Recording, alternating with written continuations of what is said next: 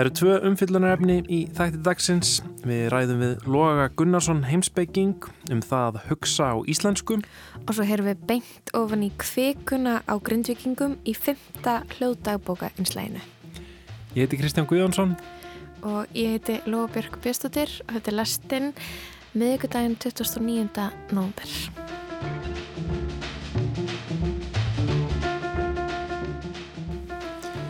Við ætlum að byrja lestina þennan miðugudaginn í Grindavík. Nú er byrjað að grafa ofan í sprungur í bænum, fólk er mætt til vinnu í fiskvinnslunni.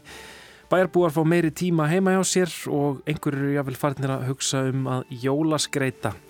Við ætlum að halda áfram að heyra hljóðdæpaukur grindinga sem við höfum fyllt eftir í tæpar þrjár vikur eða alveg frá því að bærin var rýmtur 10. november.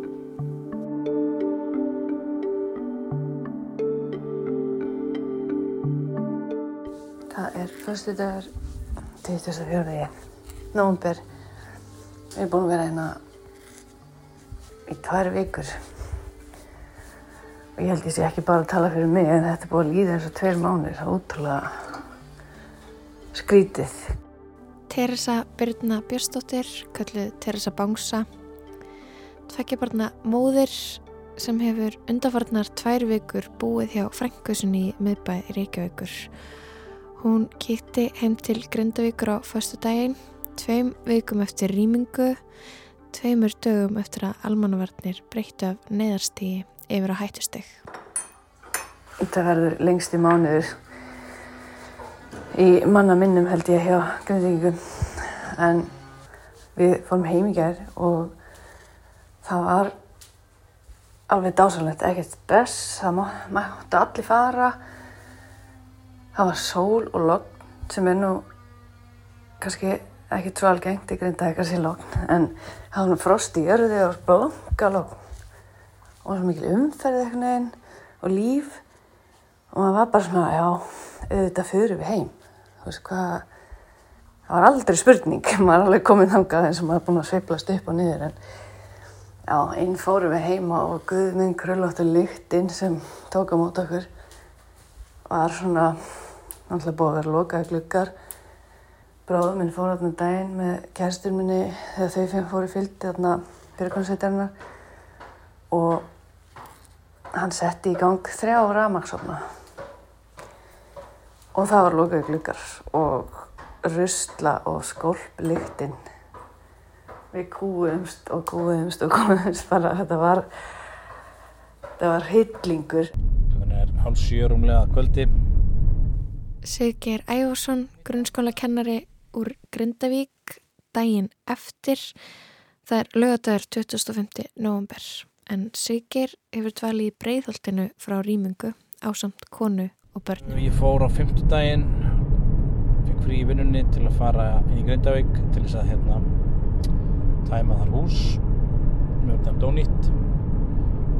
Það eru skritin tilfinningar að koma inn í hús sem er svo augljóslega ónýtt og illa farið, sprungið alveg út og söður og eðileggingin svo mikil.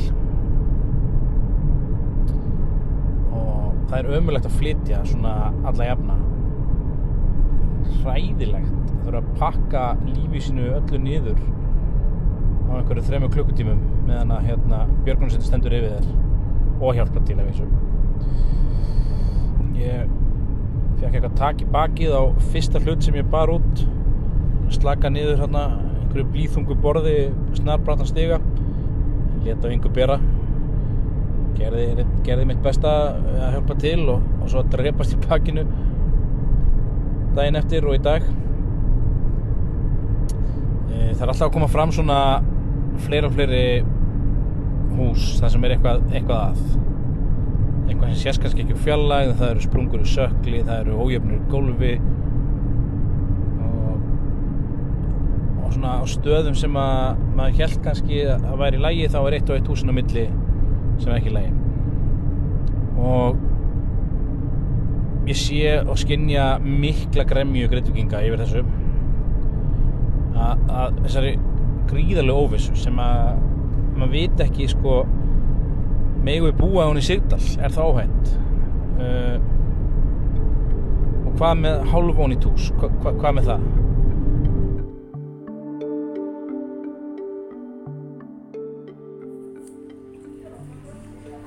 Það er 24. november og klukkan er rétt rúmlega 12. Ég stend hérna í bónus og er að gera mig grein fyrir því að ég get ekki með nokkru móti hugsað meira heldur en einn dag fram í tíman. Þetta er Andrea Ævarsdóttir, hún er forstöðumæður bókasapsins í Grindavík og hún á tvo stráka sem eru 14 og 16 ára. Ég get ekki einu svona tekið ákverðun um hvað ég ætti að hafa í matinn á sunnudagskvöldið. Ég get hugsað um kvöldið í kvöld og ég get hugsað um lögadaginn en ég get ekki tekið ákverðun um bara kvöldmat á sunnudaginn. Af því það er einhvern veginn svo allt svo óljóst.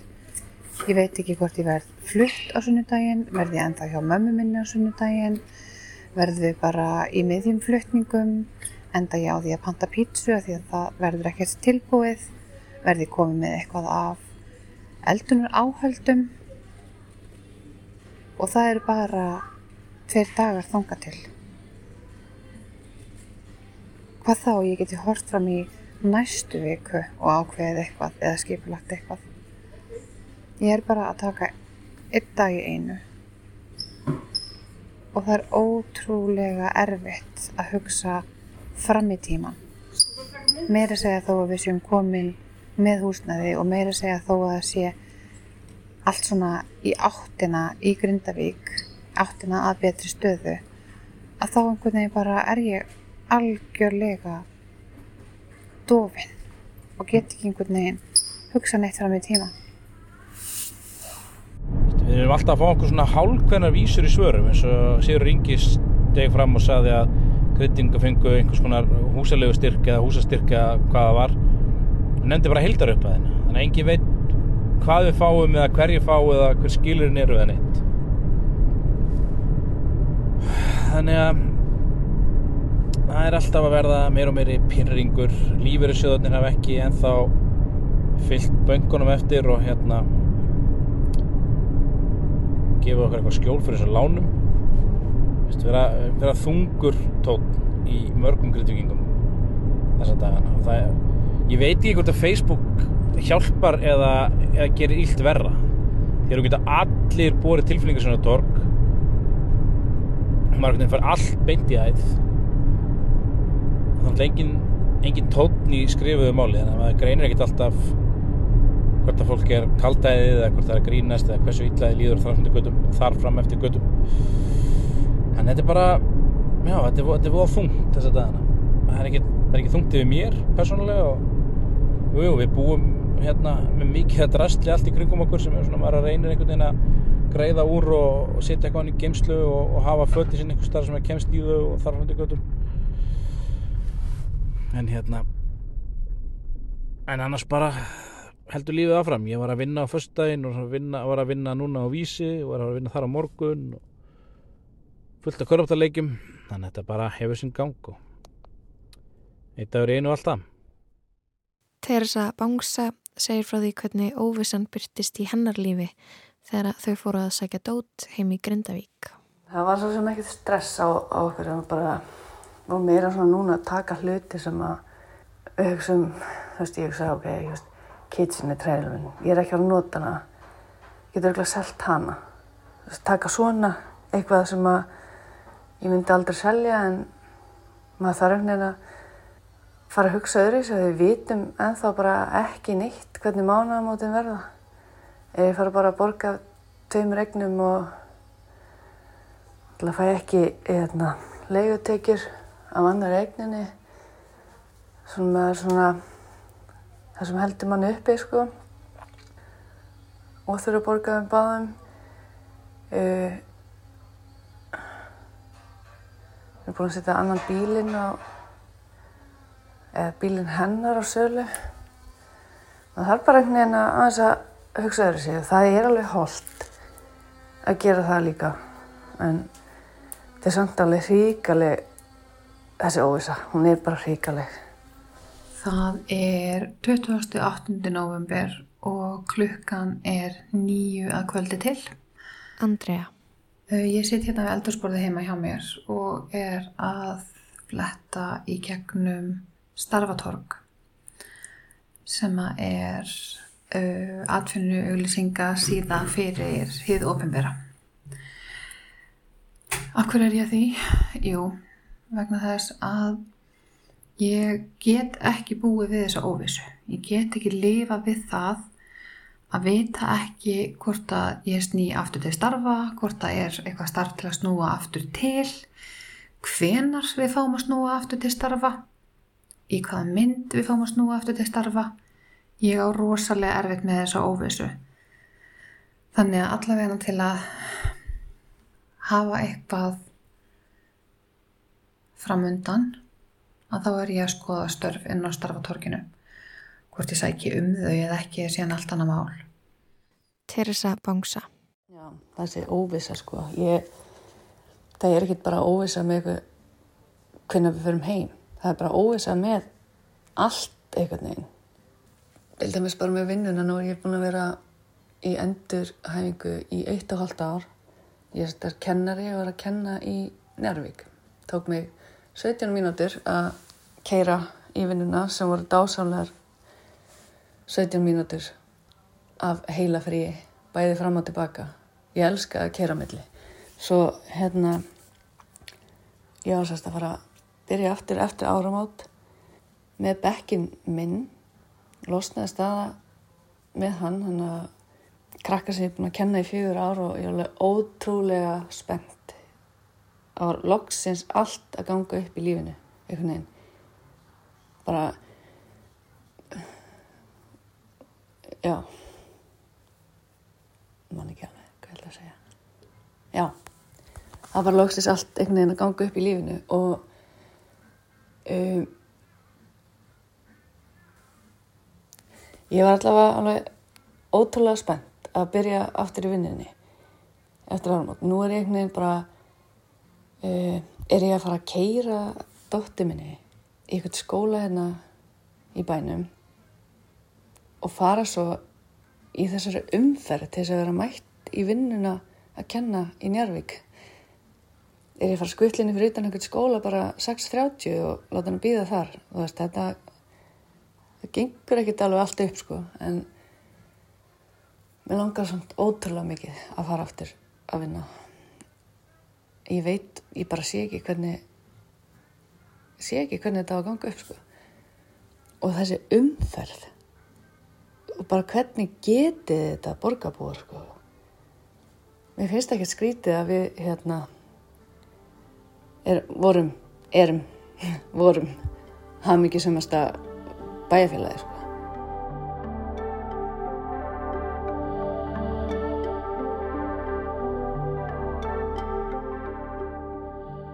Andrea Ævarsdóttir, það er 28. november.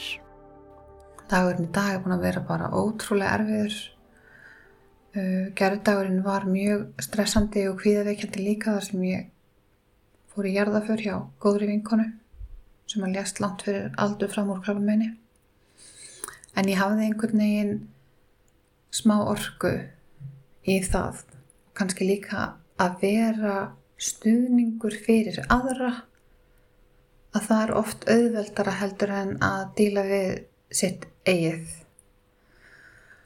Og ég sagði, í dag einhvern veginn bara heldist allt yfir mig og ég er bara búin að eiga rosalega erfiðan dag. Mér langar ekki að tala við neitt, mér langar ekki að gera neitt. Helst af öllu hefði ég viljað bara sofa í allan dag. Og þetta er Teresa í dag 29. november. Ég hef líka verið að veltaði fyrir mér hvernig dótti mín kemur til með að muna eftir þessum tíma. Veist, hún er nýja ára. Er hún að fara að muna þetta bara sem ævintýri að fara í tekja hæða strætó í fyrsta skipti og fara í skopp og engi skóli eða eða er hún að fara að muna eftir þessu bara í svarkvítu sem einhverjum dimmum tímum Þú veist, án eftir að muni eftir því að hún stóð hérna við útadyrnar klukkan fjögur um nátt og ætlaði heim. Eða muni eftir að hafa þurfti að hugga mömmu sína því að hún greitt meir en hún eða þú veist um miðanótt þú veist það svona ég vona hann eftir að muna meira eftir æfintýrunum sem að við lendum í hérna en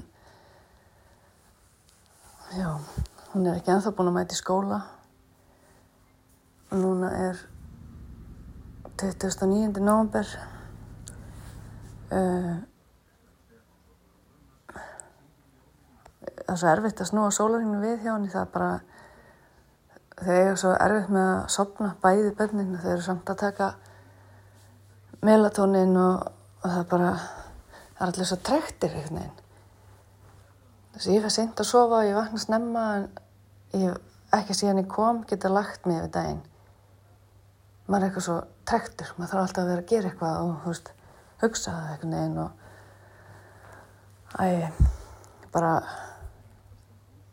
var til í að leggja mig sko ég var til í að láta svæfa mig og vakna bara þegar þetta er búið Þetta er Andrea aftur. Við fengum íbúð síðasta sundag, 27. Þannig við erum bara búin að vera að flytja og þannig að er allt á kvolfi eins og gerist oft þegar að maður flytur. En eiginlega meira á kvolfi því að við fluttum inn í dánarbú og þurftum að greisja át úr skápum og annað slíkt.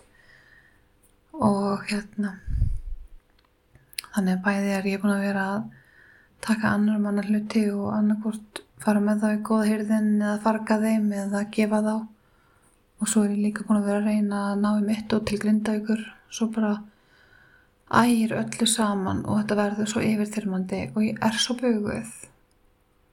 Og ég er bara eitthvað svo leið. Ég er svo leið á svo ástandi. Ég er svo leið á því að sjá hjá vinum mínum statusa um að þau séu ekki ennþá komið með húsnæði.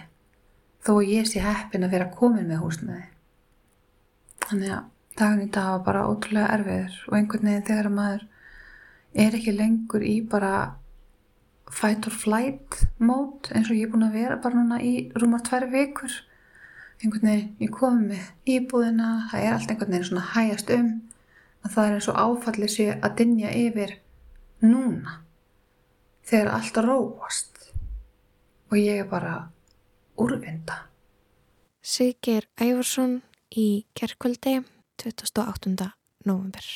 Klukkan er rúmlega nýju kvöldi og ég var að koma úr sjómarpinu. Var gestur í sjómansal við hérna umræði þættinum Torgi og Rúf. Þetta var bara, já, gott að mörgu leiti. Svona eins beinskeitt og hægt var held ég með að við með að við alltaf þessu óvissu sem eru uppi og maður getur voða lítið annað gert en að býða ég held að ég hef heirt suma sem að ætla að fara heima, heima að skreita í vikunni. Það er sem búið að opna á það að maður getur farið heim bara svona ég nánast þetta er hendið sem ég bannast þetta svo í bænum eðlilega. Og hérna ég mæli ekki með því að skreita þessum tímóti því að við erum ekkert að fara halda jólin heima. Fólk þarf aðeins að horfast í augu verðunveruleikan þetta er, er langu tími framöndan og maður heyrir af afskaplega mörgum sem eru í bara vondri stöðuvarandi húsnæði. Eru, eru í einhverju tímabundnu sem er annarkvort að reyna út eða allt, allt og lítið eða ítla staðsett og, og þetta er eitthvað svona staða sem að verður bara rosalega erfitt að tækla. Sama hversu þólimótt fólk er eða, eða hversu hérna, tilbúið er að, hérna, að leggja einmitt á sig svona, þá er bara er, verður þetta örgulega erfitt en marga kljúfa jafnvel kostnæðarlega og hérna og það er eitthvað svona sem vandar uh, annars fór ég heim í dag. Eldri dóttir mín það sækir nokkra hluti og hérna og það er bara sama. Ég, húsið okkar lítur ótrúlega vel út.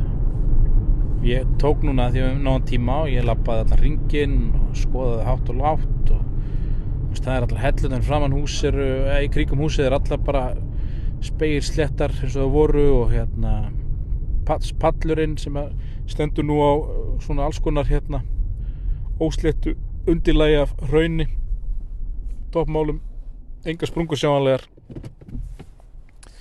Þannig að þetta er eitthvað svo surrealist húsið mitt sé hérna í miðum sigdalunum í lægi en svo er maður að heyra af húsum sem að voru í lægi fyrir vikunni og sprunga konar núna.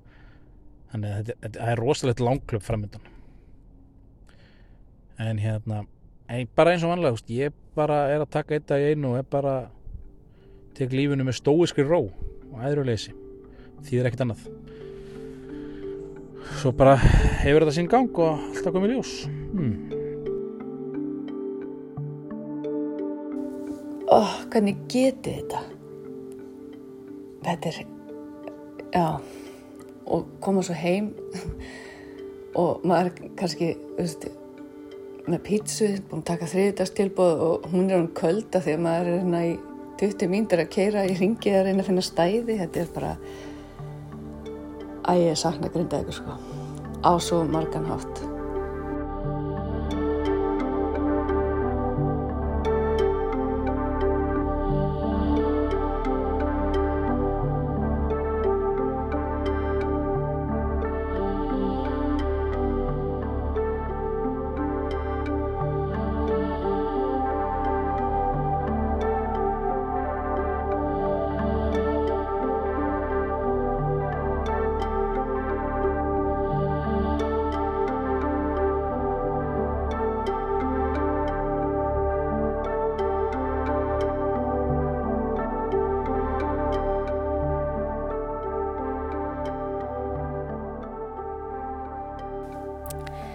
Teresa Bangsa átti lokaorðin í hljóðdagbókum Grindvikinga.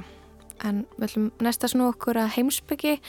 Kristján Guðansson rætti við Loga Gunnarsson, professor í heimsbyggi við Háskólan í Potsdam eh, og þeir eh, rættu 50 ára gamla grein sem að, sem að heitir að hugsa á íslensku.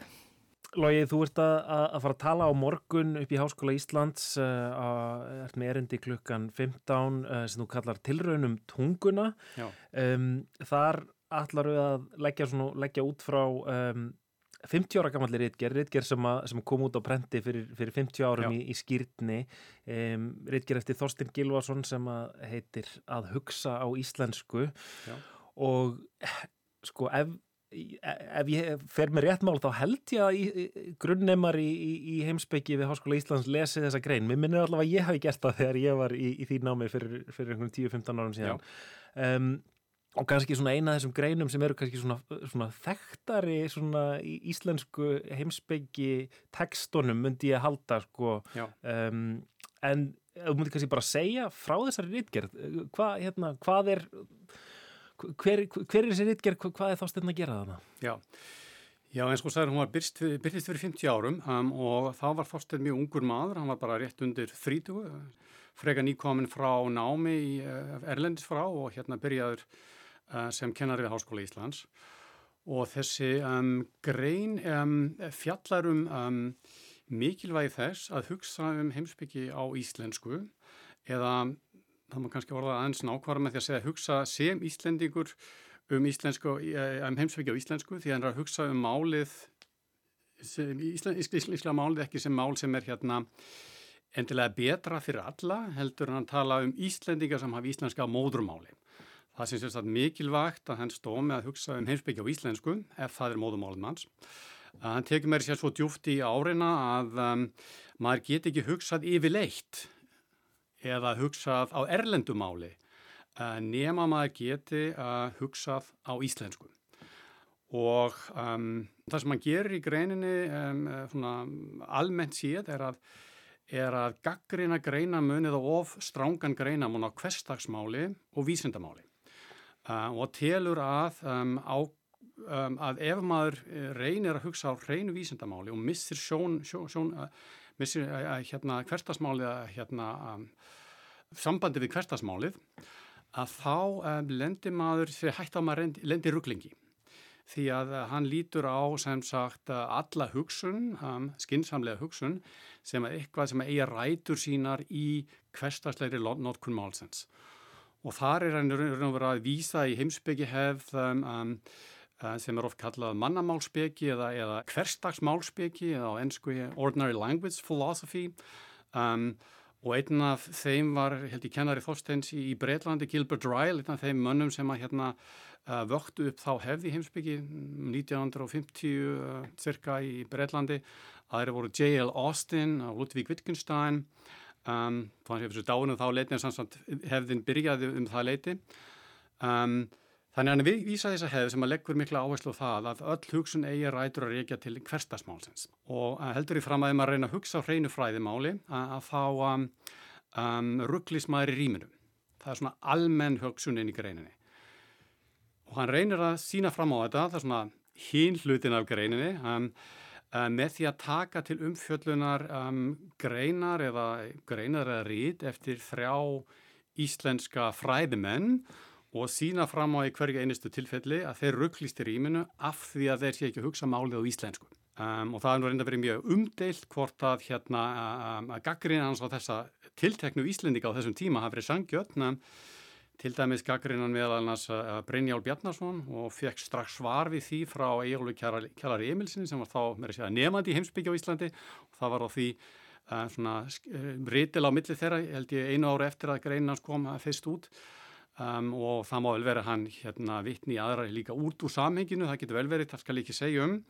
Það sem að ég hef áhuga í sambandi við þessar greinir er almenna rauksendafæslan, hann ekki þó hvort hann hefur rétt fyrir sér um þessa tilteknu fræðumenn sem voru þá að skrifa mm -hmm. um, á íslensku. Mm -hmm hann, hann er kannski að mæta þarna svona hérna, heim ung, ungur hérna, fræðimæður og allar að augra kannski þarna eldri mönnum. En, en, hann tek, en hann tekur þetta dæmi sko um, af, af þessum orðum uh, sem, a, sem kom úr uh, latínu uh, subjekt og objekt subject og objekt á ennsku og í raunni uh, er notað í, í langflestum öðrum tungumálum heldur en íslensku. Já. Þetta eru er, sko einhver svona grundvallar hugtök í já, heimsbyggi en, og, og ég held að allir sem hafa glimtu það að stunda heimsbyggi á íslensku já. eða hvað þá að reyna þýðarna þeir, þeir lendi vandræðum með að, að, því, að, að því að þessi, þessi orð þýða svo margt Já, það er rétt, það er rétt. Mm. Nei, það er alveg hárétt, já, og hérna um, Þetta er mikil, mikilsvert og mikilvægt viðfánsefn að hugsa um það hvernig að þýða hitt og þetta úr öðrum álur yfir af íslensku um, og það er það eitt sem að Þorsten hefur mikil áhuga á og ekki bara í þessari grein, í mörg, heldur í mörgum öðrum greinum, hvernig sé orða eitthvað erlend hugtak um, með um, íslensku orðalæg. Uh, og það er oft sem hann gerir er að sækja sem sagt um, hugmyndir úr íslenskurinn sjálfri og, og nota líkingamál til að orðaði eitthvað yfir á íslensku yfir ekki, yfir ekki endilega búa til nýtt orð yfir það um, og það er eitt sem er mjög áhugavert við, við þóstundi hann líka mjög sérstaklega góður penni, sérstaklega skrifa sérstaklega vel en um, sem sagt í þessari grein það er kannski ef ég, ef ég hérna um, segja eins meira um hans rauksundafæslu og hvað mér finnst vera gott við hann mm -hmm. og mhm. hvað mér finnst kannski þurfa að fara aðeins meira áfram um og bæta við hans úr rauksendafæslu því að hann er í raun og vera að segja það eins og ég var að segja að hérna það sé mikilvægst að hugsa um heimsbyggi á móðurmálinu. En rauksendafæslan í greinis, hún snýst í raun og veru um það að þessir fræðimenn sem er að tala um hafi mist um, sjónar á um, hverstagsmálinu. Og nú mátti náttúrulega segja að hérna svo rauksendafæsla nægi ekki til þess að sína að þessi mikilvægt endilega hugsa um heimsbyggi á móðurmálinu. Ég held að um, til þess að um, sína fram á Þorstein hafi eitthvað til sín máls um, og það tel ég um, að sé mikilvægt að hugsa um heimsbyggi á, á, á, fyrir heimsbygginga á íslensku að þá verður maður að hugsa á móðurmálinu og þá þarf að bæta eitthvað við málflutnings Þorsteins þar því að raun og veru talar hann einingis um það sem mikilvægt að missa ekki sambandið á milli fræðimáls og, og hverstagslegsmáls mm -hmm. og það er raun og veru það sem að minn fyrirleistur á morgun fjallarum að, sína hvað er mikilvægt sérstaklega að hugsa um heimsbyggi á móðurmálun. Mm -hmm. Af hverju er það mikilvægt? Um, það eru þrjára ástæður sem að hérna má, má, má nefna, örglega kannski aðra líka. Kannski að segja fyrst að mér er mikilvægt að hérna, þessi hugsa að heimsbyggi missi ekki uh, sambandi við reynsluna að ef maður að setja fram heimsbyggi kenningu, setja fram eitthvað sem er umdeilt, að þá verður þessi kenning líka að standast tóm, hérna, domstól reynslu. En hérna, með reynslan sem maður hugsa um og oft er þá reynslan sem við erum að, að hafa hér uh, og get, getur komið okkur óvart uh, og þess vegna held ég að sé mik mikilvægt að hugsa um, um, um, um, um nota reynslun að líta á reynsluna í heimsbyggi. En um, í móðrumálinu er eitthvað falið sem er ekki reynslan sem er, við erum að hérna, verða fyrir hér og nú, kannski líka þegar við notum móðumál þegar reynslan er e, lítuð á málinu, heldur sérstaklega reynsla barnæskunar eða benskunar því að við lærum tungumálið í benskunni eða í barnæskunni og um, þar verðum við, uh, sem sagt, er tekið upp í móðurmálið þegar við lærum það hvernig, um, um, hvernig samband við höfum við veruleikan um, þegar við erum börn. Og ég held að það sé mikilvægt í heimsbyggi að, að líta ekki bara á reynslunum eins og hann er núna, heldur að líta líka á það í heimsbyggi, ástundur á heimsbyggi, hvort að maður sé að missað einhverju sem maður hafi upplifað sem barn. Og það er ekki, um, það er eitthvað sem hefur mótað mann uh, og þessi reynsla sem maður haft sem barn er að sömuleyti svona saklausari kannski. Um, og það er ekki auðvelt að nálgast þessa reynslu uh, því að hún er búin að gleima mörgu. En, en margt af því held ég er varðveitt í þeim máli sem maður hefur lært sem bat, sem er náttúrulega sömuleit líka persónlegt, það er ekki bara íslenska sem maður læri í kennslubókum, þetta er máli sem ég læriði sem bat, þannig að það held ég sé fyrsta ástæðan til þess að sé mikilvægt að hérna, missa ekki sónar af til að stunda heimsbyggja á sínu einn móðurmáli. Annað sem að um, um, vildi mennast á er um, að um, Móður má, líka skilja sem ekki bara máli sem að læri í benskunni eða í badnæskunni. Eh, það er svona ein, eitt skilningur á móðumálinu.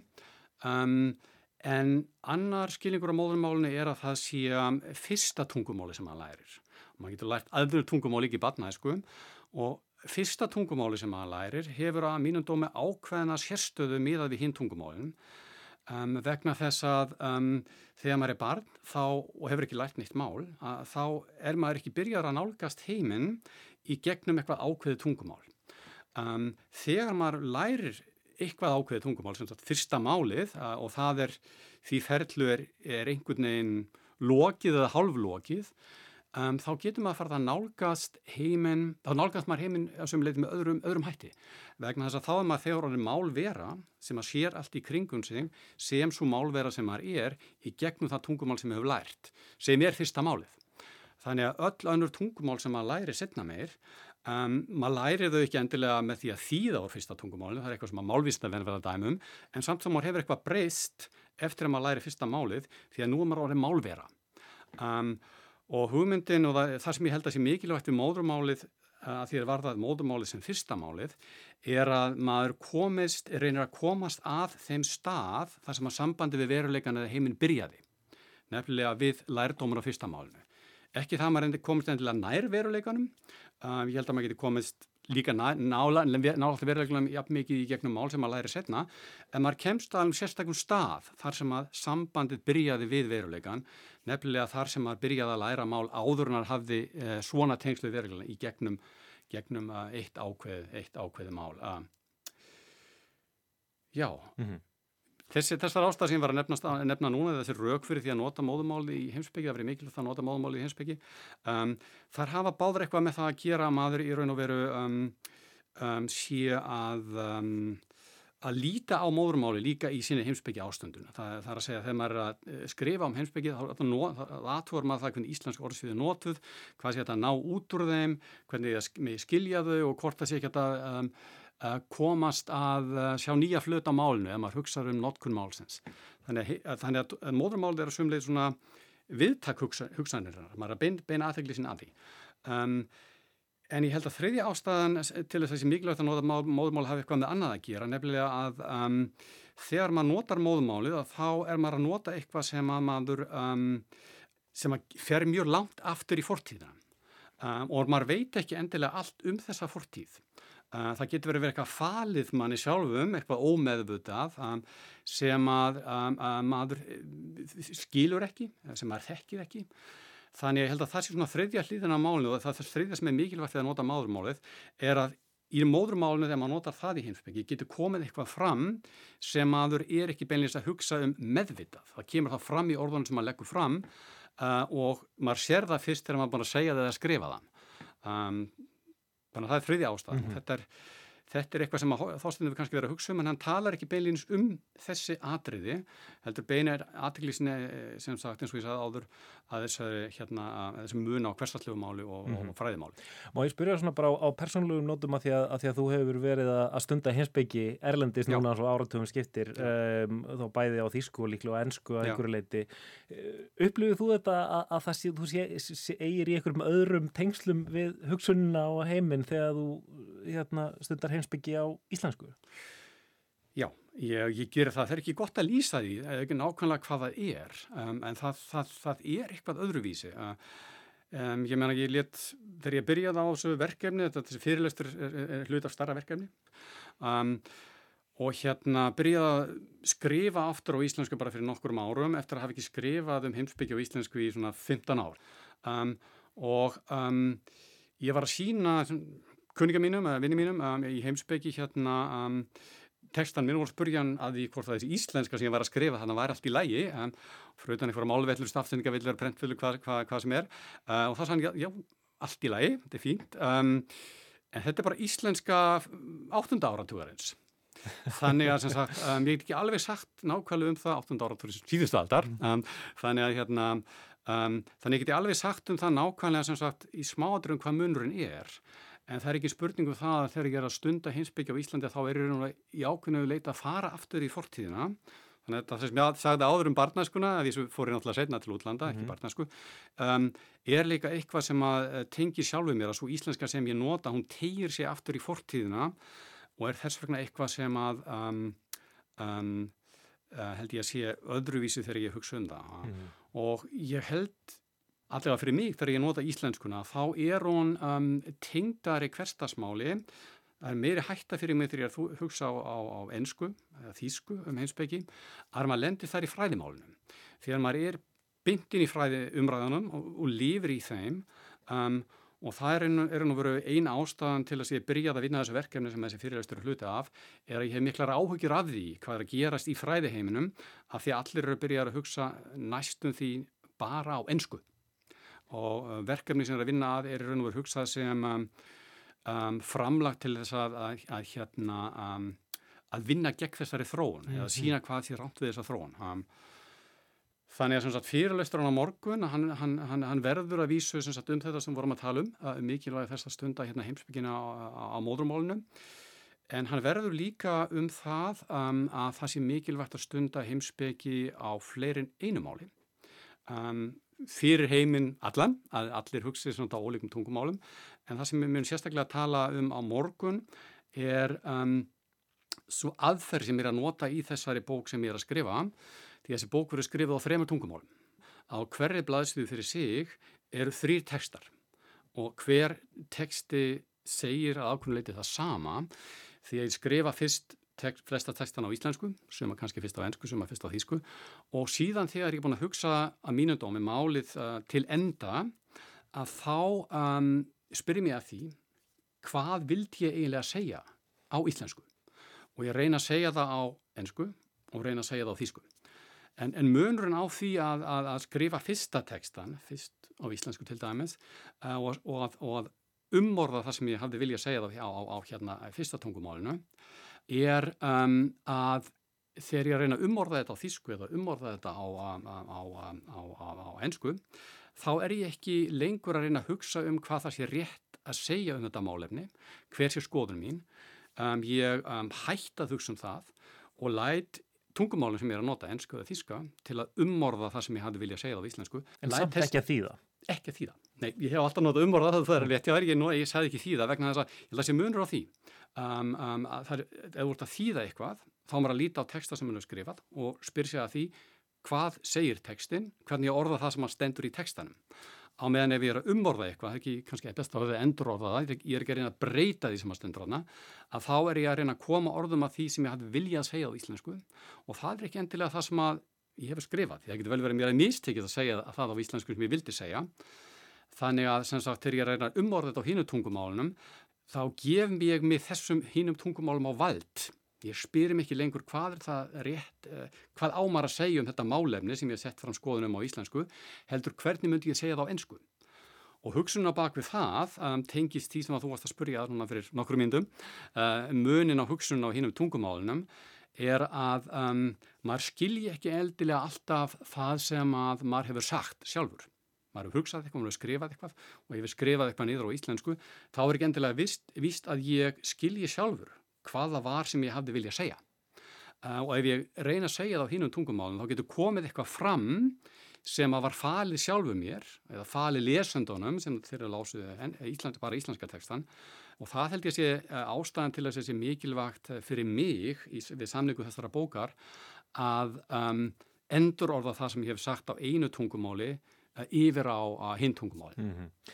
Aðeinsverð, þetta er svona í raunni heimsbyggileg tilraun og einhvern nátt. Uh, já, já þess vegna heitir hérna fyrirleisturinn tilraunu tunguna. Já, um, Einmitt. En, en mér langar að spyrja kannski bara að lokum að því að við höfum ekki mikið meiri tíma hérna um þetta sem þú nefndir varðandi það sem þú uh, þér sínist vera kannski að verða vandamál í, í, í hugsun í, í fræðaheiminum í dag að, að ennskan sé orðin svona áhrifamikil. Við auðvitað þekkjum þetta uh, við sem höfum áhuga á heimsbyggi á, á Íslandi að við þurfum Já ef við ætlum að lesa, lesa heimsbyggi þá, þá, þá er ekki mikið til á íslensku þannig að við verðum að sækja, sækja erlendis og, og, og flest okkar kunnum eiginlega bara ennsku svona nok nokkuð ágætlega um, hérna, er þetta líka svona í Þýskalandi að ennskan er farin að hafa svona mikil áhrif? Já, mm.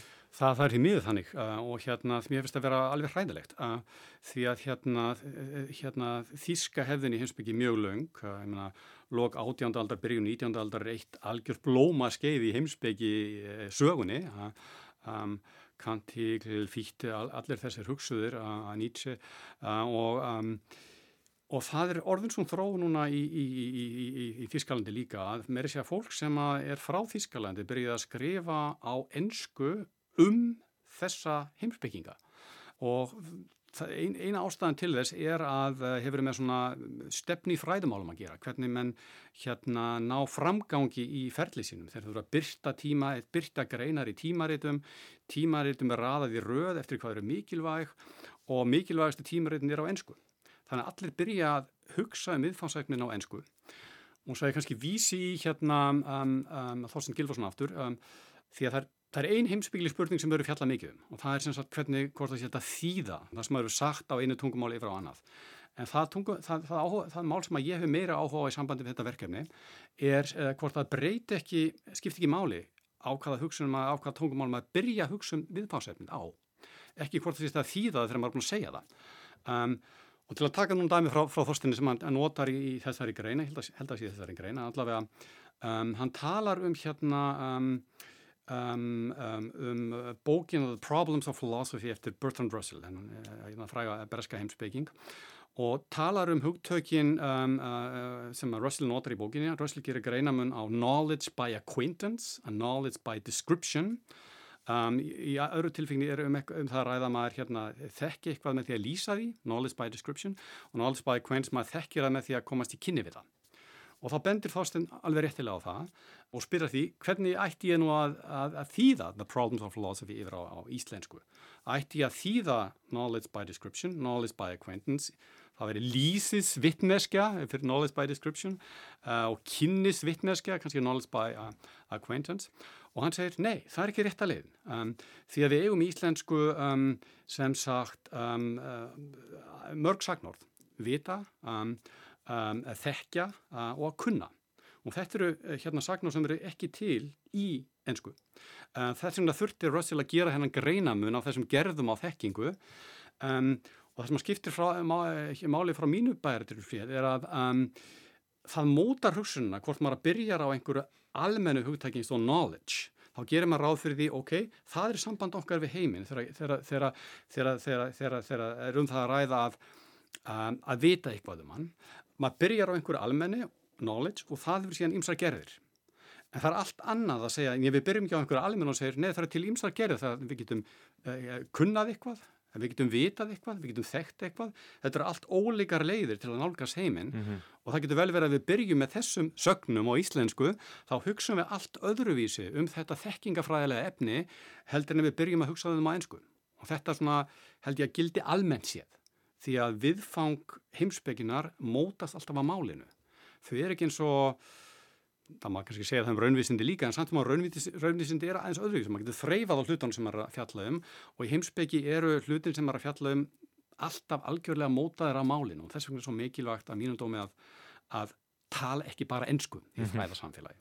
Hérna, um, þýðir þetta þá uh, að þínu mati að, að það sé ákveðir sko, stigveldi tungumála, hversu góð þau eru í, í það að hugsa um heiminn, hugsa um heimsbyggi um, eða, eða eru þau einfallega ól, ólíkar leiðir að, og, og maður er að, að nota það sem er manni næst einhvern veginn? Ég myndi fyrst segja að það veri einfallega ólíkar leiðir.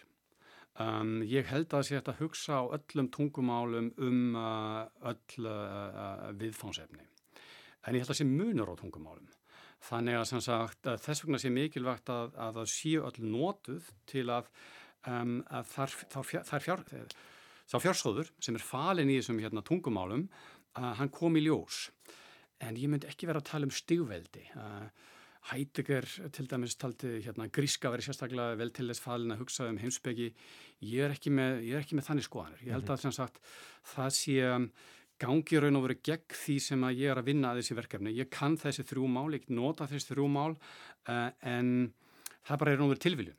Um, af því að hérna hvernig lífmynd hefur verið að ég kann þessi þrjú mál ég myndi ekki vera að segja að, að það væri neitt sérstaklega mál sem væri betra en önnur mál og Þess vegna jáfnvel þó að til dæmis að sé til þessi heimsbyggi hefð í Þýskalandi og sé synd að hérna fara að hugsa bara á ennsku um, um, um, um þessi málefni sem að um Þýska heimsbyggi að þá myndi ég ekki segja að Þýska til dæmis það verður þess vegna betri. Það er meira að segja þannig eh, stundum finnst mér og þess vegna heldur ég sé mikilvægt að hugsa á mörgum álum að ef það hefur verið löng heimsbyggi hefð í einhverju landi getur verið ákveðin hætta við það þegar fræðimálir orðuð og þróað Þannig að þeir sem að byrja að læra heimsbyggi læra fræðimálið og þeir gleima því, það er sem að þórstunir að gaggarinn í sinni grein, þeir gleima því að fræðimálið verður að tengjast við hverstasmálið og þess vegna myndi ég freka að segja nota sem flest mál, ekkit stigaveldi. Emmitt. Lógi Gunnarsson, uh, uh fyrirlesturinn á morgun er klukkan þrjú í Háskóla Íslands tilraunum tunguna. Um, takk kærlega fyrir að koma í lestina og, og spjalla við, við með um uh, tungumál og heimsbyggi. Takk að kærlega, þetta var mjög gaman. Komm mit und halt dich fest und wir reiten in die Sonne. Du sitzt hinten und ich vorne. Komm, sag mir deinen Namen und ich werde ihn für dich buchstabieren. Dann inhalieren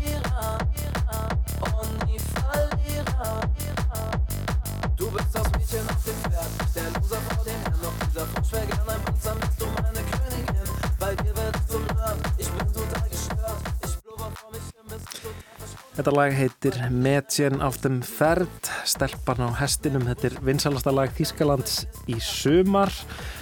Ég hugsaði um, eftir svona langt innslag um, um heimsbyggi þá erðu að spila heimskulegasta lag sem að ég gætt ímynda mér. Va Varstu að hlusta þetta lag í Þískalandi sumar? Nei, en ég, ég rakst á þetta. Um, ég var ekki að hlusta á þetta mikið, en mér alltaf einhvern veginn gaman að ná að spila þetta í Íslandska ríkis útvarpinu. Þetta er vist sko um, nokkur ára gammal lag eh, sem kom upprunnulega í barna útvarstáttum, eitthvað svona barna útvarsleikhúsi um, sem að er einhvern veginn gerist í, í einhverju svona einhverju svona samfélagi fólk sem er með hesta. Ég held kannski Ameríku, ég er ekki alveg viss. En, en svo er þetta svona tekno-útgáfa af því, því lagi og það sló svona í gegn og, og það var nefnilega svona svolítið trend í Þískalandi í sumar það sem að var kallað sko hérna gottlösen remix sem eru svona bara guðlösu remix. Það sem í rauninni var verið að taka einhver svona, einhver gömulög mhm. einhver svona óvænt lög fáramleg lög og setja í svona ótrúlega heimskulegan tekno-danstónlistar mm. Eh, búning. Við, við gerum þetta náttúrulega Íslands, Íslandi líka í Já. Jú, læri, læri, lei. Einmitt, læri, læri, lei. Það fór, það fór eins. Sko þetta lag, hvað er þetta um konu og hesti? Já. Já, þetta minnir mig á nokkru sem ég kentist í Svíþjóðisumar okay. þarna epadöng tónlistastefnunni mm. sem er svona elektrónisk tónlist þarna, já, fyrst það maður að útskýra fyrirbærið epa ef maður að skilja þetta, en það eru sko þarna, í Svíþjóð með 14 til 17 ára úlingar keira bíla Ok. á þess að vera með bílpróf Mm, það er sagt svona um, fólk tekur okkur á gamla bíla og okkur svona strýpur alveg niður og gerir eitthvað við það þannig að þeir komast ekki yfir 50 km hámarsraða Mm. og þessir úlingar, þeir eru bara að krúsa þjóðvegi svíþjóðar og rúnta í sveitinni Ekki eitthvað svona eins og æfingakstur með ekki foreldri. æfingakstur, þeir Mm. eru bara saman stundum druknir, það fylgir þessum bílum mikið af sleisum og meðan maður er í svona EPA bíl og þetta er mert með svona appisnugulum neon þrýrningi þannig að þú vitir að þið er að passa þig á úlingnum sem er ekki með bílpróf Guð minn sem er samt á góður. hraðbrautinni Mhm.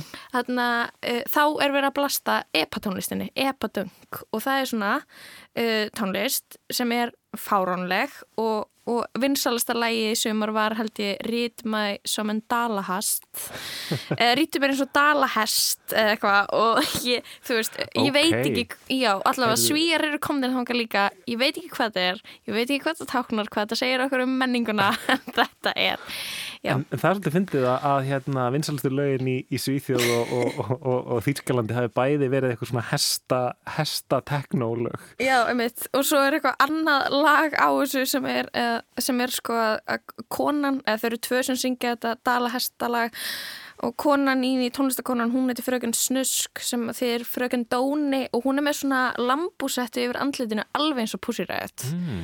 og ég bara, Ok. það eru vísanir hingað og þangað Við þurfum að greina þetta við tækifæri. Mhm. Það verður djúbköfun einhvern veginn á næsta leiti. Já, En um, já, við komumst ekki lengra í lestinni þennan miðvíkudaginn. um, já við þakkum samfélgin í dag tæknum aður í dag var Georg Magnússon Við Kristján og Lóa verðum hérna aftur á morgun. Verðið sæl.